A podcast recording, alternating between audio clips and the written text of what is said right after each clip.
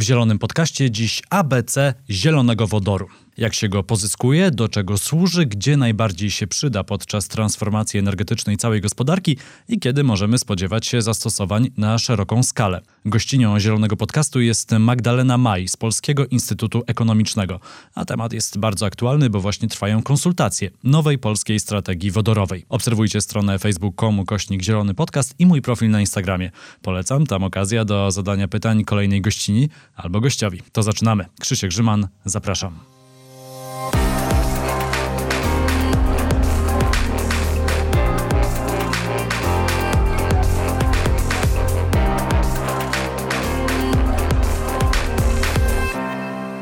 Gościnią Zielonego Podcastu jest Magdalena Maj, analityczka zespołu klimatu i energii w Polskim Instytucie Ekonomicznym. Dzień dobry. Dzień dobry, dziękuję za zaproszenie. Zielony wodór jest odmieniany przez wszystkie przypadki i to nie tylko w Polsce, ale w Europie i zresztą e, nie tylko w Europie, bo i na całym e, świecie. O co w zasadzie chodzi z tym całym zielonym wodorem i dlaczego mówimy zielony wodór? Co było przed tym zielonym kolorem? Był czarny, niebieski? Jaka jest historia? To ja zacznę może od końcowego pytania. E, co było wcześniej, co mamy do tej pory? Do tej pory mamy w większości, znaczy w jakichś trzech czwartych na świecie wodór produkowany e, z reformingu gazu ziemnego i w większości pozostałej części ze zgazowania węgla. To znaczy jest to wodór produkowany e, w taki sposób, przy którym wydziela się emisja CO2. W związku z tym istnieje koncepcja wykorzystania wodoru produkowanego bez emisji, i na to są różne metody, i zastosowania go do osiągnięcia neutralności klimatycznej. Bo wodór sam w sobie jest nośnikiem energii i może być stosowany jako paliwo, y, ale także jako surowiec w wielu gałęziach przemysłu o zielonym wodorze, o gospodarce wodorowej, można powiedzieć nawet o niskoemisyjnym wodorze, y, jest y, głośno na całym świecie, szczególnie y, w Unii Europejskiej po ogłoszeniu strategii w lipcu zeszłego roku i także po ogłoszeniu strategii w kilku krajach członkowskich, takich jak Holandia, Niemcy, Portugalia, Hiszpania. Są to kraje, które ogłosiły strategię wodorową, to znaczy określają w niej mierzalne cele, jakie powinny zostać osiągnięte w rozwoju gospodarki wodorowej, aby przysłużyć się do obniżenia emisyjności gospodarki krajowej. I takie poczynania y, rozpoczyna też Polska. Stąd pojawił się w konsultacji projekt polskiej strategii E, wodorowej e, przed kilku dniami. I koncepcja wykorzystania tego wodoru jest ściśle e, tego wodoru zielonego, to znaczy wodoru produkowanego w procesie elektrolizy z udziałem odnawialnych źródeł energii. Jest, jest właśnie ściśle powiązana z rozwojem OZE. To znaczy wzrasta nam moc zainstalowana niestabilnych źródeł energii, których y, wykorzystanie nadmiarowej produkcji może posłużyć do magazynowania energii, na przykład właśnie w postaci wodoru. To znaczy, produkujemy energię elektryczną w odnawialnych źródłach energii, po czym ta energia elektryczna służy nam do rozszczepienia cząsteczek wody na wodór i tlen w procesie elektrolizy. I tak wyprodukowany wodór może być skondensowany, to znaczy przekształcony do postaci ciekłej, bądź może być sprężony i przechowywany w postaci gazowej. Takie magazyny będą szczególnie opłacalne w przypadku wielkoskalowej e, konieczności koncentracji energii w porównaniu do e, elektrochemicznych magazynów, to znaczy baterii, które będą się bardziej sprawdzały na mniejszą skalę. Czyli tak naprawdę do tych zastosowań e, jak transport i przemysł powinniśmy, a w zasadzie musimy dopisać jeszcze magazynowanie energii. Tak, znaczy magazynowanie to może być taki krok e, pośredni tak naprawdę. Możemy sobie podzielić gospodarkę wodorową na takie segmenty jak produkcja wodoru, jego przesył, na przykład rurociągami gazowymi, który de facto już stanowi też magazyn, bądź przesył na mniejszą skalę tube playerami, bądź zastosowanie w przemyśle. Czyli ten wodór zmagazynowany w nadwyżkach najczęściej albo w docelowych, dedykowanych instalacjach odnawialnych źródeł energii, czy produkowany w inny sposób i zmagazynowany, następnie może być stosowany w przemyśle, w transporcie i, i w przemyśle ciężkim na przykład. I w energetyce. To może do tego magazynowania jeszcze e, przejdziemy, bo to bardzo ciekawy temat, łączący się zresztą z odnawialnymi źródłami energii e, i szczególnie z instalacjami offshore'owymi, e, czyli tymi dużymi wiatrakami zainstalowanymi mm, na morzach. Ale zatrzymałbym się na chwilę przy transporcie, bo to jest pewnie taki najbardziej zrozumiały wątek i najbardziej zrozumiałe zastosowanie dla osób, które sobie myślą, no co z tym wodorem można zrobić. Samochody na wodór to raczej na razie nie jest przyszłość. Wiemy, że jeden z producentów y, takie y, silniki stworzył, to jest Toyota, ale one nigdzie rynku nie zawojowały, z tego co się orientuje. Y, w Polsce zresztą takich samochodów nie można zatankować wodorem, u naszych zachodnich sąsiadów można. A o jakim transporcie mówimy w kontekście tego zielonego wodoru? To jest raczej długodystansowy transport i raczej większe jednostki. Tak, zgadza się.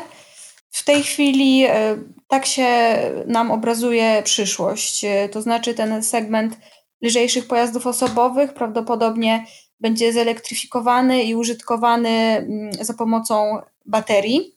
Silnik jest elektryczny oczywiście, ale do tego jest bateria, a w przypadku pojazdów wodorowych oczywiście też jest silnik elektryczny, e, który będzie napędzany dzięki ogniwom paliwowym wodorowym. I rzeczywiście z uwagi na to, że baterie elektrochemiczne e, same w sobie mają swoją wagę i mniejszą pojemność, one nie nadają się do zastosowania w ciężkich i długodystansowych e, pojazdach. E, stąd wodór, który może być mocno skompresowany i może być też szybko ładowany, to też jest bardzo kluczowe, mm, szczególnie dla sektora dostawczego, w którym no, każda minuta jest, jest cenna, mm, a wodór może być, sam pojazd wodorowy może być tankowany podobnie jak obecnie pojazdy spalinowe. E, to znaczy czas naprawdę jest tylko e, przetransferowania paliwa do, do pojemnika. E, stąd, stąd to są docelowe segmenty w transporcie, plus jeszcze transport komunikacji miejskiej. I tutaj już mamy produkcję chociażby autobusów wodorowych Solarisa, który je eksportuje. I wiele samorządów y, korzysta w tej chwili w Polsce z autobusów elektrycznych, ale bateryjnych, ale też wiele deklaruje chęć korzystania z autobusów wodorowych. I tutaj dużą zaletą ich e, jest mniej skomplikowana infrastruktura. To znaczy nie potrzeba rozbudowywania tak potężnej e, zajezdni, czy, czy nie trzeba rozplanowywać e, tras pod to, żeby częściej te autobusy ładować na przystankach, te bateryjne autobusy, bo autobus wodorowy ma większy przebieg. Czyli praktycznie cały dzień może jeździć bez ładowania i dopiero w nocy się ładować na zajezdni, zatankować. To jest bardzo ciekawe, ale jak sobie myślę o problemach e, Polski z elektryfikacją e, transportu, czyli słabą infrastrukturą, e, małą liczbą punktów do ładowania samochodów, to z wodorem jest jeszcze gorzej. Ta infrastruktura nie istnieje w ogóle. Nie istnieje, gdyż jakby no, wodór jest powiedzmy nowszą koncepcją. Dopiero co pojawił się draft polskiej strategii wodorowej, który tak naprawdę będzie wyznaczał trendy i na który czeka wiele branż. I myślę, że dopiero za tym będą podążały kroki. I tutaj będzie kolejne pytanie, tak jak i było w e, przypadku pojazdów e, bateryjnych, kura czy jajko, pierwsze e, pojazdy, czy pierwsze czy pierwsze stacje ładowania. Tutaj mówimy w przypadku samochodów osobowych, jeżeli one będą się rozwijały. No w przypadku autobusów miejskich, no to będzie w zakresie e, samorządów tak naprawdę. Samorządy już w tej chwili mogą e, korzystać z dofinansowania do autobusów e, wodorowych, tylko też ten proces elektryfikacji floty miejskiej tak naprawdę będzie długotrwały, bo wiele lat też się czeka E, przynajmniej takie wieści miałam ostatnio, na, na zakup tych autobusów, na ich wyprodukowanie. Stąd no, to jest dopiero rynek, który się rozwija i on wymaga wsparcia publicznego. Mówimy o transporcie kołowym, no a co z samolotami czy statkami? Wodór tu też będzie rozwiązaniem? Tak, i w transporcie szynowym podobnie. Tutaj, tutaj też mogą być dobre rozwiązania dla mm, trakcji, które są niezelektryfikowane, które używają y, paliw spalinowych, y, znaczy są spalinowe i w tym momencie wodór y, jak najbardziej może posłużyć do ograniczania emisji na pewnych odcinkach. Dodatkowo oczywiście transport lotniczy i morski. Takie koncepcje pojawiają się w strategiach chyba wszystkich krajów członkowskich. Wodór tutaj może posłużyć jako paliwo syntetyczne do produkcji paliwa syntetycznego, to znaczy e, może być łączony e, z innymi substancjami i, i konwertowany do, do innej postaci w ten sposób mm, użytkowany jako paliwo w samolotach. Temat transportu na pewno pobudza wyobraźnię, no ale przejdźmy troszkę głębiej, bo transport, jeżeli chodzi o wykorzystanie wodoru, to jest dzisiaj ile procent? 10, kilkanaście, mniej? Na chwilę obecną e, no myślę, że to jest szczątkowy ułamek. No znaczna większość w Polsce i na świecie wykorzystania wodoru no to jest to jest przemysł e, e, petrochemiczny głównie. E, chemiczny, rafineryjny. No. To znaczy, to jest też wodór, który jest tam produkowany i najczęściej tam konsumowany. Tam, to znaczy w rafineriach e, i w zakładach azotowych. Tylko, że w tym momencie jest to wodór szary, produkowany w procesie reformingu gazu ziemnego. Czyli, czyli ten zielony wodór może tak naprawdę e, zrewolucjonizować e, przemysł, bo jeżeli popatrzymy sobie na plany neutralności klimatycznej Unii Europejskiej, na ograniczenie emisji e, we wszystkich krajach, to jedno to transport, no rolnictwo wiadomo, duże wyzwanie, no ale przemysł to ogromne wyzwanie, dla którego no po części nie ma jeszcze dzisiaj gotowych rozwiązań. I co ten zielony wodór tutaj zmienia? Wodór w tych zakładach, które wymieniłam, w rafineriach i zakładach azotowych e, jest e, stosowany jako substrat. I e, on może być, zamiast szarego wodoru, może tam być zastosowany zielony wodór, co oczywiście w tym momencie jest bardzo kosztowne, ale wraz z rozwojem rynku ogniw, spadku kosztów elektrolizerów różnie, również i rozwoju odnawialnych źródeł energii, no, koszty produkcji i zastosowania zielonego wodoru będą e, spadać. E, dodatkowo będzie wzrastać e, koszt emisji CO2. Stąd w przyszłości te branże przynajmniej w jakimś stopniu będą musiały korzystać z tego zielonego, czyli zeroemisyjnego wodoru. Są też inne branże, jak hutnictwo, które mogłyby korzystać z wodoru zamiast węgla. Z jednej strony do produkcji ciepła, tam są potrzebne bardzo wysoko, jest potrzebne bardzo wysokotemperaturowe ciepło i tutaj można zastąpić paliwa kopalne i do produkcji ród żelaza, gdzie można zastąpić koks y, wodorem. Takie próby już były podejmowane bodajże w Szwecji, Stąd y, jest to mniej popularna chyba jeszcze koncepcja w Polsce. Mam wrażenie, że się o tym e, mniej mówi, ale myślę, że, że w przyszłości to także będzie miało miejsce. Właśnie ubiegłaś trochę moje pytanie, bo chciałem zapytać, jak, jakie jest zainteresowanie e, polskiej branży, czy to chemicznej, czy to mm, e, właśnie hutniczej, tej, tego przemysłu energochłonnego, na zastosowanie takiej nowej technologii, bo to, że transformacja energetyczna jest nieunikniona, to wszyscy wiemy. No, pytanie, w jakim tempie będzie to się wszystko odbywało w Polsce, no ale biorąc pod uwagę, że jesteśmy w Unii Europejskiej, to być może nawet y, bardziej finansowo będzie to na Polsce czy na polskich producentach wymuszane y, niż regulacyjnie przez samego polskiego ustawodawcę. To jak te branże na to patrzą? To znaczy, branże, które obecnie mm, produkują i też stosują wodór, ten szary wodór, mają jeszcze możliwość y, zwiększenia swojej produkcji. Możliwości są w 100% y, wykorzystane. I według naszych badań zrobionych na podstawie analiz i wywiadów z ekspertami, możemy wywnioskować, że w ciągu najbliższej dekady jest jakby sensowne rozwijać gospodarkę wodorową w oparciu o szary wodór, gdyż mamy do tego potencjał i gdyż możemy stworzyć w ten sposób rynek. I dopiero w następnej dekadzie, czyli po 30 roku, można by się spodziewać i mamy nadzieję na produkcję przez krajowe firmy, ale nie tylko krajowe, ale w głównej mierze zielonego wodoru. I tutaj e, to też będzie ten czas, w którym e, przyrost e, kosztów CO2 sprawi już, że to może być naturalnie ekonomicznie opłacalne, żeby stosować zielony wodór.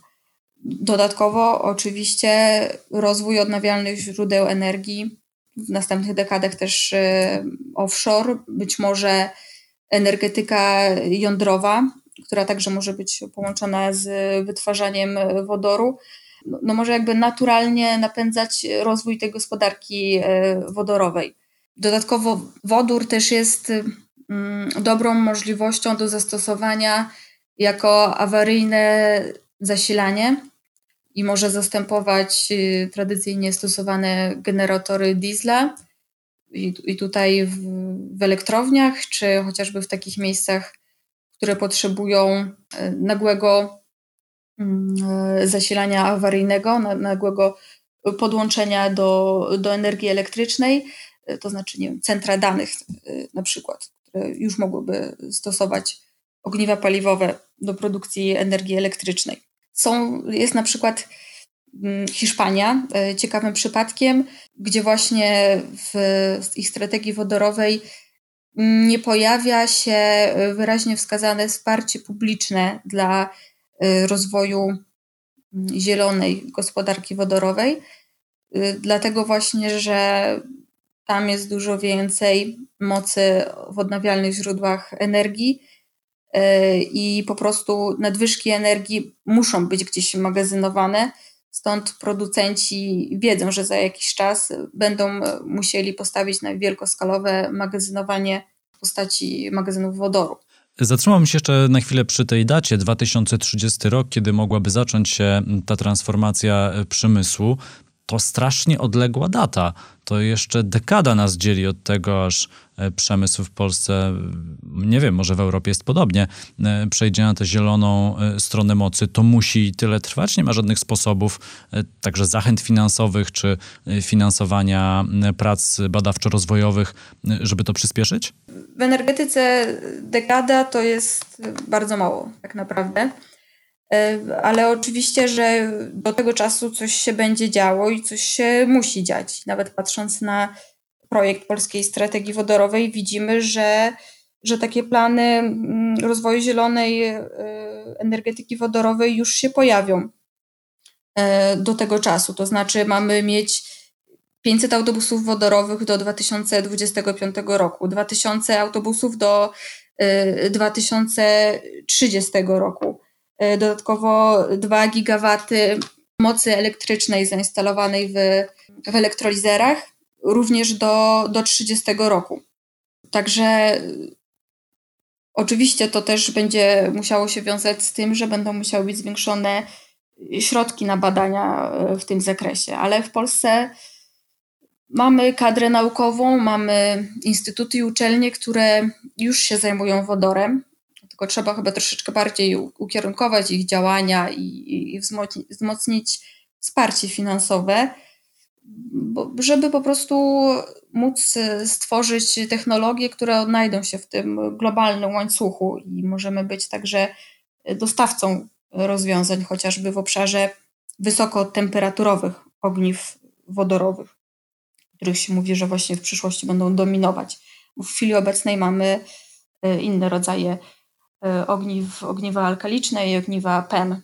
E, stąd e, jakby myślę, że do 30 roku będą i powinny być podejmowane działania i będą na poziomie Unii i, i także w naszym kraju. Ja tutaj raczej mówię o, o takim już większym rozwoju gospodarki wodorowej. Tak, ale żeby to nastąpiło, to musimy za, za tym już, już działać. Tak, słuchając y, mm, tego wątku dotyczącego y, polskich naukowców, y, to rozszerzając to mm, na całą transformację energetyczną, wydaje się, że w kwestii mm, odnawialnych źródeł energii no nie zbudowaliśmy jakiejś takiej dużej polskiej specjalizacji. Oczywiście ta branża OZE rośnie naturalnie.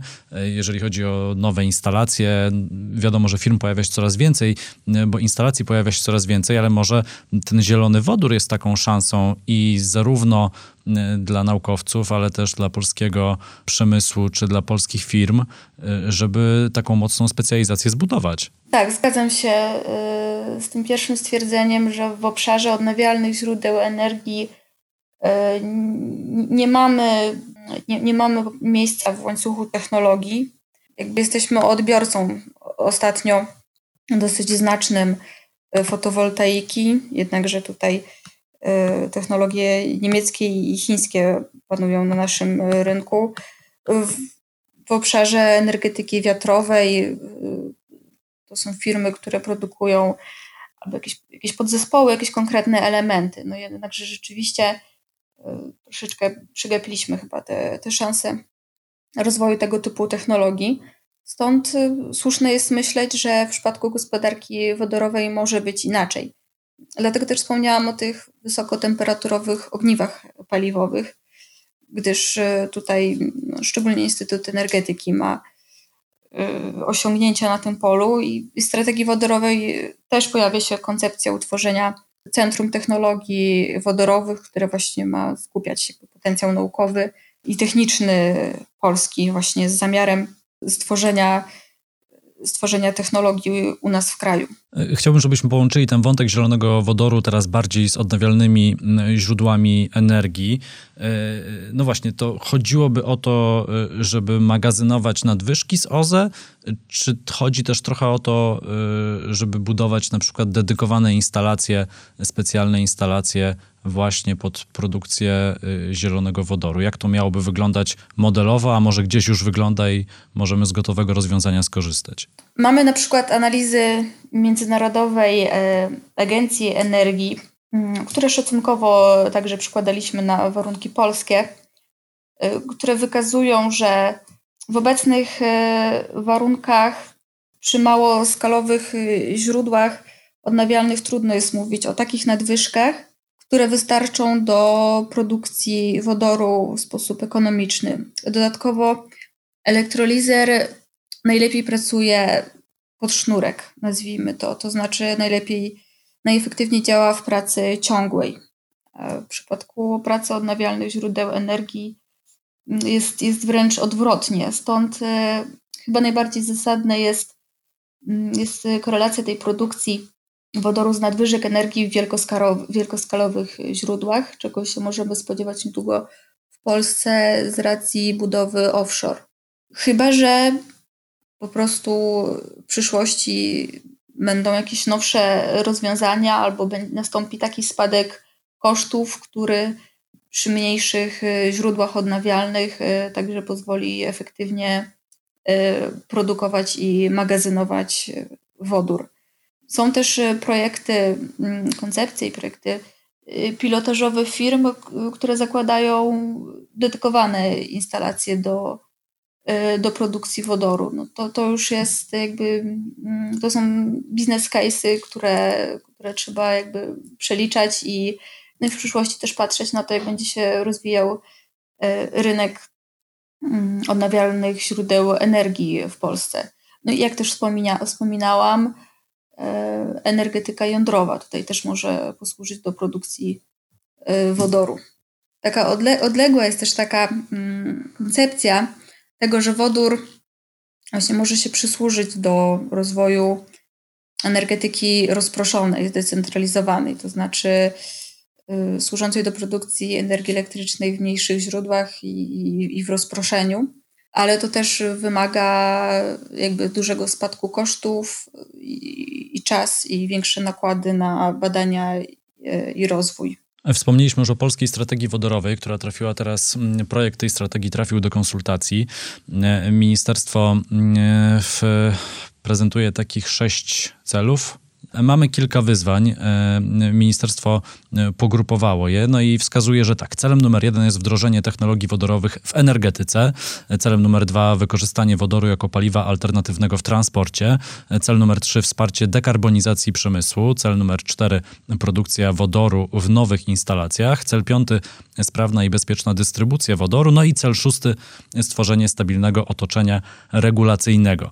I o ile Państwo kontrolując na przykład sporą część e, sektora energetycznego e, może się tutaj wykazać e, jako właściciel, o tyle wydaje mi się, że z tych wszystkich sześciu punktów, to chyba ten ostatni jest najważniejszy, czyli stworzenie stabilnego otoczenia regulacyjnego, bo patrząc na to, co działo się na przykład z branżą OZE w ostatnich pięciu latach, świetny przykład to wiatraki na lądzie i ustawa 10H, która ograniczyła stawianie nowych instalacji, czy na przykład brak przepisów jeszcze do niedawna dotyczących instalacji offshore'owych, to to otoczenie regulacyjne najbardziej blokuje jakikolwiek rozwój. Zgadza się. W tej chwili wodór w przepisach y, nie istnieje. Wszelkie też y, próby właśnie rozwoju stacji wodorowych no, napotykają wiele problemów y, administracyjnych, gdyż są to nowe pomysły, do których po prostu użytkownicy do końca nie wiedzą, jak, jak podchodzić. Stąd rzeczywiście mm, w takim podejściu top-down budowania gospodarki wodorowej, to znaczy, mm, gdy rząd tak naprawdę w chwili obecnej y, będzie decydował o, o, o, kierunku rozwoju tej gospodarki, gdyż y, większość spółek produkujących wodór i w ogóle zaangażowanych w sektorze energetycznym, paliwowo-energetycznym, to są spółki Skarbu Państwa. Stąd tutaj duża rola y, i wielkie znaczenie ma właśnie to otoczenie regulacyjne i to, są, to jest wiele kwestii, także kwestie związane z bezpieczeństwem y, użytkowania y, wodoru. Na ten moment jakby są, są plany na to, żeby powoli w przepisach prawnych e, wdrażać e, te rozwiązania wodorowe. Wiem, że jako Polski Instytut Ekonomiczny także bierzecie udział w tych konsultacjach i w tworzeniu tej strategii. A wy na co będziecie kładli największy nacisk? Takim eksperckim okiem. Na obecną chwilę uważam, że dosyć istotną, ale chyba niekoniecznie, nie na pewno konieczną i wystarczającą kwestią jest e, właśnie wdrożenie tej strategii. E, I wiele branż na nią czeka, e, czeka na te wytyczne i, związku, i na kolejne kroki, jakie w związku z ogłoszeniem finalnego produktu będą podejmowane. Jakby mi się wydaje, że dla branży tutaj kluczowe będzie konsekwentne realizowanie założonych działań. Dodatkowo mm, będą też, będą też powstawały kolejne elementy y, tej strategii wodorowej, e, analizy techniczno-ekonomiczne, które będą już jakby miały większą podstawę liczbową do, do nakreślenia y, przyszłości. Także jeszcze jest sporo rzeczy do zrobienia, ale ja uważam, że najważniejsza chyba będzie tutaj konsekwencja i obserwowanie cały czas rynku i ewentualne, mm, ewentualna elastyczność w założonych planach. Z takich ciekawostek z tego dokumentu y, możemy też się dowiedzieć, że rząd planuje powstanie pięciu tak zwanych dolin wodorowych, y, czyli takich y, swego rodzaju hubów technologiczno-biznesowych, czyli miejsc, gdzie ta wiedza i, i doświadczenie naukowców wraz z praktykami biznesu by się spotykały. No ale sam dokument, bo rozmawiamy dzisiaj o zielonym wodorze, on nie tylko zielonego wodoru dotyczy, prawda? Tak. No tutaj pojawia się mm, taki termin neutralności technologicznej, e, to znaczy e, założenia możliwego wsparcia dla nie tak zwanego zielonego wodoru, ale niskoemisyjnego wodoru. I pomysł właśnie rozdzielania metod produkcji wodoru w zależności od e, emisyjności, bo wodór produkowany z paliw kopalnych także może być niskoemisyjny, pod warunkiem zastosowania instalacji wychwytu y, i składowania bądź użytkowania dwutlenku węgla. Mamy także produkcję wodoru z biopaliw bądź produkcję wodoru w procesie pirolizy, z, no, o czym swego czasu mówiło się w Niemczech i chyba nawet to się pojawiło w strategii niemieckiej, to znaczy produkcja wodoru z gazu ziemnego z mm, wydzieleniem węgla w postaci stałej, e, black carbon, tak, czyli, tak, czyli sadza po prostu. Także i to też jest koncepcja, która jest przyjęta w strategii Komisji Europejskiej. Tam, tam też mamy być, być może troszeczkę inny jest podział i chyba nie ma tych konkretnych przydziałów emisyjności, ale, ale także jest terminologia użyta wodór niskoemisyjny, wysokoemisyjny, te, takie, takie podziały.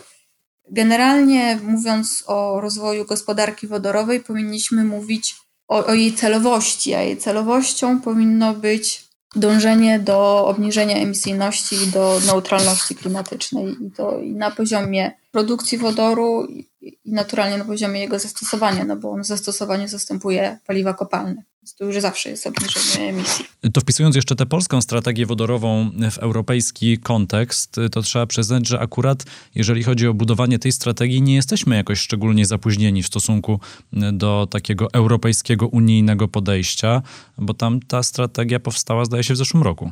Tak, strategia y, unijna powstała w, w lipcu poprzedniego roku. No w tej chwili mamy projekt y, polskiej strategii, ale no to już są prace bardzo zaawansowane. Mm, przed nami oczywiście też było kilka innych unijnych krajów, ale na świecie już pod koniec 17 roku, w grudniu 17 roku powstała e, strategia japońska. E, także no, nie jesteśmy bardzo opóźnieni, ale też nie jesteśmy pionierami tutaj mm, e, w tym zakresie. No, ale też wiem, że jest Dania, w której według mojej informacji nie ma y, strategii wodorowej, ale są, są jakby realne działania y, też rządu zmierzające do rozwoju gospodarki wodorowej. No być może nasz, y, nasza gospodarka, gospodarka funkcjonuje inaczej i, i ja zresztą też, też uważam, że w naszym przypadku taka strategia jest bardzo przydatnym narzędziem. Stąd, stąd dobrze, że ona powstała. I dobrze też, że w tym czasie. Nie sądzę, żeby, żeby to było za późno. Zobaczymy, jakie będą mm, kolejne działania, jak także na świecie się będzie ten rynek e, rozwijał. Na przykład wspomniana Japonia początkowo mm, bardzo mocno myślała o rozwoju gospodarki wodorowej w oparciu o emisyjny wodór, ten wodór produkowany z paliw kopalnych. Japonia sama nie mając wystarczających źródeł paliw kopalnych e, planuje importować wodór z Australii, wyprodukowany tam w procesie zgazowania węgla i niskokosztowo e, eksportowany do, do Japonii. Ale Japonia się budzi z tej koncepcji e, i także też, też myśli o rozwoju tego zielonego wodoru. I o, oczywiście jedną z głównych branż tam, nie jedyną e, dla zastosowań wodoru będzie transport. To jeszcze na koniec jedno pytanie o kolory, bo one się pojawiały w naszej rozmowie. Ja zacząłem o, e, od pytania e, o mm, różnicę między zielonym wodorem a wodorem na przykład czarnym czy niebieskim. Jak rozumiem, czarny wodór to z węgla. Albo brązowy. Czarny albo brązowy też tak się przyjmuje. Czarny albo brązowy. Szary i niebieski to z gazu. Tak, niebieski to jest z wychwytem CO2, a szary bez wychwytu CO2. E, możemy mieć jeszcze wodór e, fioletowy, czyli z atomu.